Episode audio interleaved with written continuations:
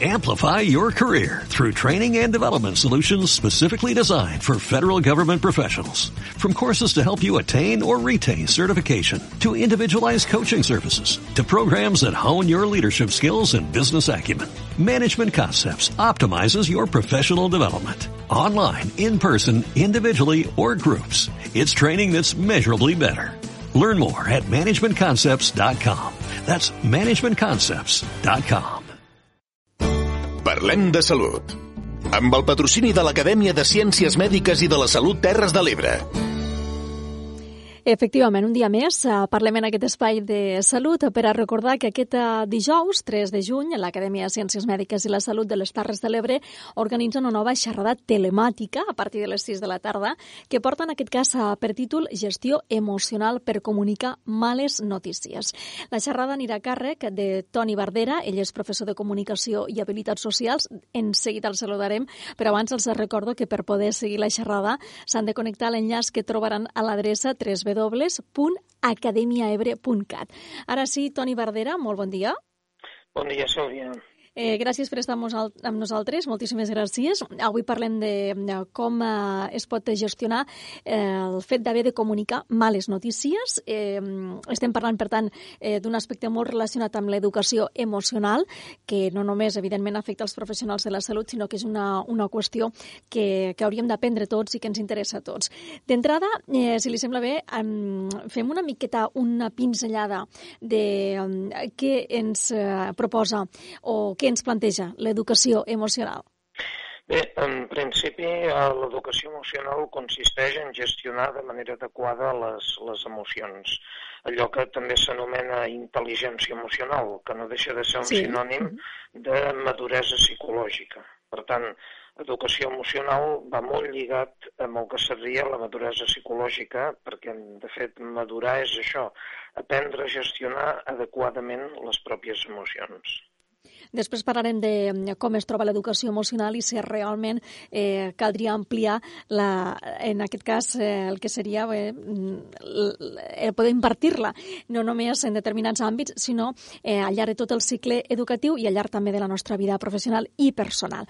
Però centrem-nos una miqueta en aquest eh, tema del qual vostè parlarà per als professionals de la salut i per a aquelles persones que també estiguen interessades en el tema. Eh, el més normal és pensar que mm, a ningú li agrada donar males notícies, no? Això és el normal, no? Sí, sí. Si tinc empatia amb l'usuari, evidentment no tindré ganes de donar-li una mala notícia. Eh, precisament per això la, la conferència xerrada que farem el dijous no tracta tant de, de com ha de ser el contingut del discurs, de, de com estructurar la mala notícia, que això, encara que ho veurem per sobre, eh, mereixeria una sessió a part, sinó que es tractarà de com gestionar les pròpies emocions i, i de retruc també les de l'usuari, la persona que li dirigeix un missatge, però sobretot està centrat en com gestionar les emocions del professional. Eh, en el cas, per exemple, de la pandèmia, s'ha evidenciat més, encara aquesta necessitat de poder gestionar les nostres pròpies emocions, en el cas sobretot dels eh, professionals de, de la salut? Clar, perquè han de fer-ho més sovint i a sobre amb un esgotament emocional que fa eh, que, que l'estat intern no estigui en condicions òptimes el fet que estigui més vulnerable per la sobrecàrrega de la feina, perquè eh, s'han de donar males notícies més sovint, fa que eh, aquest equilibri interior, eh, aquesta calma que fa falta per poder donar la mala notícia de manera òptima, doncs fa que sigui més difícil d'aconseguir per mort de professionals, i és, i és comprensible que sigui així. Eh, com aprenem a gestionar aquestes emocions? Eh, després suposo que cada persona, evidentment, eh, ho farà d'una manera o d'una altra, tractarà les emocions eh, o s'acostumarà més o menys a comunicar males notícies. Però com aprenem a gestionar les, eh, les emocions? D'entrada, coneixem la naturalesa de les emocions, que funcionen de manera molt diferent a com funciona la ment racional, i una vegada coneixem la naturalesa d'aquestes emocions, que això és el que explicarem el dijous, aquesta serà la primera part la conferència, després eh, saber com gestionar-les eh, internament en moments eh, difícils, en situacions que em poden generar estrès, com és el moment de donar una mala notícia, i eh, això, saber-ho encarar. Prefereixo no revelar massa informació. Uh, sí, jo volia preguntar-li o, o recuperar una mica el, el fil de le, o una de les qüestions que jo he plantejat al, al principi, no només per als professionals de, de la salut, eh, uh, sinó que ens afecta a tots. Eh, sabem eh, o ens ensenyen a gestionar les nostres emocions. A mi em dóna la sensació eh, que, no, evidentment, no hi ha cap assignatura eh, que, ni cap matèria eh, que parli d'això, però mm, s'està introduint aquest aspecte dins de, del que seria el currículum educatiu, fins i tot des de nivells eh, eh, molt, molt inicials? Sí, sí, cada, cada vegada més. És a dir, no, no hi ha una assignatura de com gestionar les emocions dins el projecte curricular, ni en principi té per què ser-hi. Igual que no hi ha una educació d'igualtat de, de gènere, per exemple, eh? no, no, hi ha, no hi ha una assignatura específica sobre aquesta qüestió, ni, insisteixo, té per què ser-hi, cada vegada es treballa més eh, conèixer les pròpies emocions, eh, gestionar les emocions en relació amb l'altre, tot això sí, cada vegada es fa més indubtablement. Sí, sí. Dir, dir, dir el contrari seria, seria fals. En el cas, per exemple, de, dels professionals de la, de la salut, eh, evidentment, eh, vostè ha dit no, no ens interessa parlar tant de quina notícia donem, sinó de com la donem, i això, evidentment, també dependrà del moment eh, pel qual passa aquell professional, eh, que no només relacionat, per exemple, amb la Covid, sinó amb les seves circumstàncies professionals, no? No tots tenim eh, la mateixa sensibilitat o les mateixes emocions eh, o tenim el mateix estat d'ànim un dia o, o un altre, no?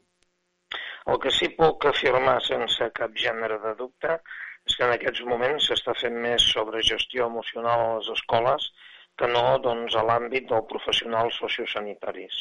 Eh, insisteixo, respecte a la gestió de les eh, emocions pròpies, perquè sí que a vegades podem parlar de com gestionar la dels altres, però l'estat de tensió que em pot generar internament el fet d'afrontar eh, un usuari amb el qual hi tingui empatia, amb el qual potser fins i tot el coneixo, aquesta tensió interna, això realment s'educa molt poc en, en l'àmbit sociosanitari. O, o, o, si no molt poc, menys del que seria desitjable. Això sí que ho puc afirmar-ho rotundament. Una altra qüestió, evidentment, que segurament seria motiu d'una altra xerrada, és fins a quin punt hem de donar més o menys informació, que suposo que alguna vegada també li han, li han preguntat, no? Sí, sí. Sí, això ja ho tractarem també el dijous i sí que la informació, en principi, s'ha de donar si el pacient doncs, l'exigeix. En principi és un dels drets del pacient tenir doncs, tota la informació doncs, que ell sol·liciti. Ara bé, això es pot fet de manera gradual, perquè és veritat que el pacient pot tenir molt clar que vol, eh, vol tota la informació que se li pugui oferir, però a mesura que se'l va informant pot ser que sobre la marxa canvia d'opinió i decideixi que ja en té prou. D'aquí la importància que la informació es doni de manera molt gradual i el pacient ja anirà indicant si vol més informació o no. Per tant, que dir que vol saber-ho tot no significa que en realitat sigui així, perquè el professional de la salut és el que té tota la informació per donar. Per tant, quan un pacient diu sí, vull saber-ho tot, eh, m'ho digui tot, és que potser aquest tot és superior al que té capacitat de digerir en aquells instants. D'aquí la importància que es doni la informació de manera graduada i el pacient ja anirà indicant si vol saber més, si vol saber menys. Eh, ja quasi per finalitzar, eh, vostè parlava abans també de l'estat emocional, de la importància de cuidar l'estat emocional en el cas dels professionals de la salut, evidentment, eh, o en aquesta casuística concreta, per a saber gestionar bé com hem de comunicar males notícies, però si ens ho apliquem en general a tots nosaltres, eh, també estaria bé que poguéssim cuidar el nostre, la nostra salut emocional, que no és tan visible com moltes vegades la salut física, no? Sí, correcte. Sí, sí, és així. És així. De fet, la salut física ja depèn de la salut emocional perquè les emocions només es poden experimentar doncs, de manera física. Eh? L'emoció no es pot experimentar a l'àmbit mental abstracte, sinó que només es pot experimentar dins el meu cos. D'aquí que hi hagi aquesta relació tan íntima entre salut física i salut emocional. Són indestriables. Alguna cosa més que vulgui afegir, alguna casuística concreta, suposo que s'ha trobat al llarg de, eh, de, la, seva, de la seva trajectòria eh, com a professor de comunicació i habilitats socials, eh, casos de tota mena, persones que, bé, doncs, que fan d'alguna manera com una impermeabilització, no? eh, d'altres que són més empàtiques, suposo que s'ha trobat una mica de tot, no? Sí, sí, correcte. Correcte, perquè això va molt lligat amb el temperament de cadascú. El temperament és un aspecte que un no, no pot modificar i, per tant, doncs, poden haver-hi professionals que són més extrovertits, n'hi ha que són més introvertits, i el que té tendència més a l'extroversió tendirà més fàcilment a mostrar empatia amb, amb l'usuari i d'altres que no tant. Hi haurà persones molt vulnerables perquè fisiològicament s'estressen més fàcilment i, per tant, sí, hi, hi ha persones que temperamentalment estan més dotades per donar eh, males notícies que d'altres, és així. Després, les habilitats de cadascú eh, faran que aquesta predisposició que tenen innata estressar-se més, estressar-se menys, farà que l'ajustin millor. Però sí, hi ha, hi ha predisposicions innates que fan que, m'estressi més fàcilment o menys en situacions de, de tensió com és la de donar una mala notícia. Eh, Toni Bardera, professor de Comunicació i Habilitats Socials, moltíssimes gràcies per estar amb nosaltres. Recordo als oients que aquest dijous, 3 de juny, a partir de les 6 de la tarda, tenen l'oportunitat de connectar-se a la xerrada telemàtica Gestió emocional per comunicar males notícies que organitza l'Acadèmia de Ciències Mèdiques i que l'enllaç el poden trobar a l'adreça www.academiaebre.cat a partir de les 6. Toni Bardera, moltíssimes gràcies per estar amb nosaltres. A vosaltres i fins dijous. Espai ofert per l'Acadèmia en Ciències Mèdiques i de la Salut Terres de l'Ebre.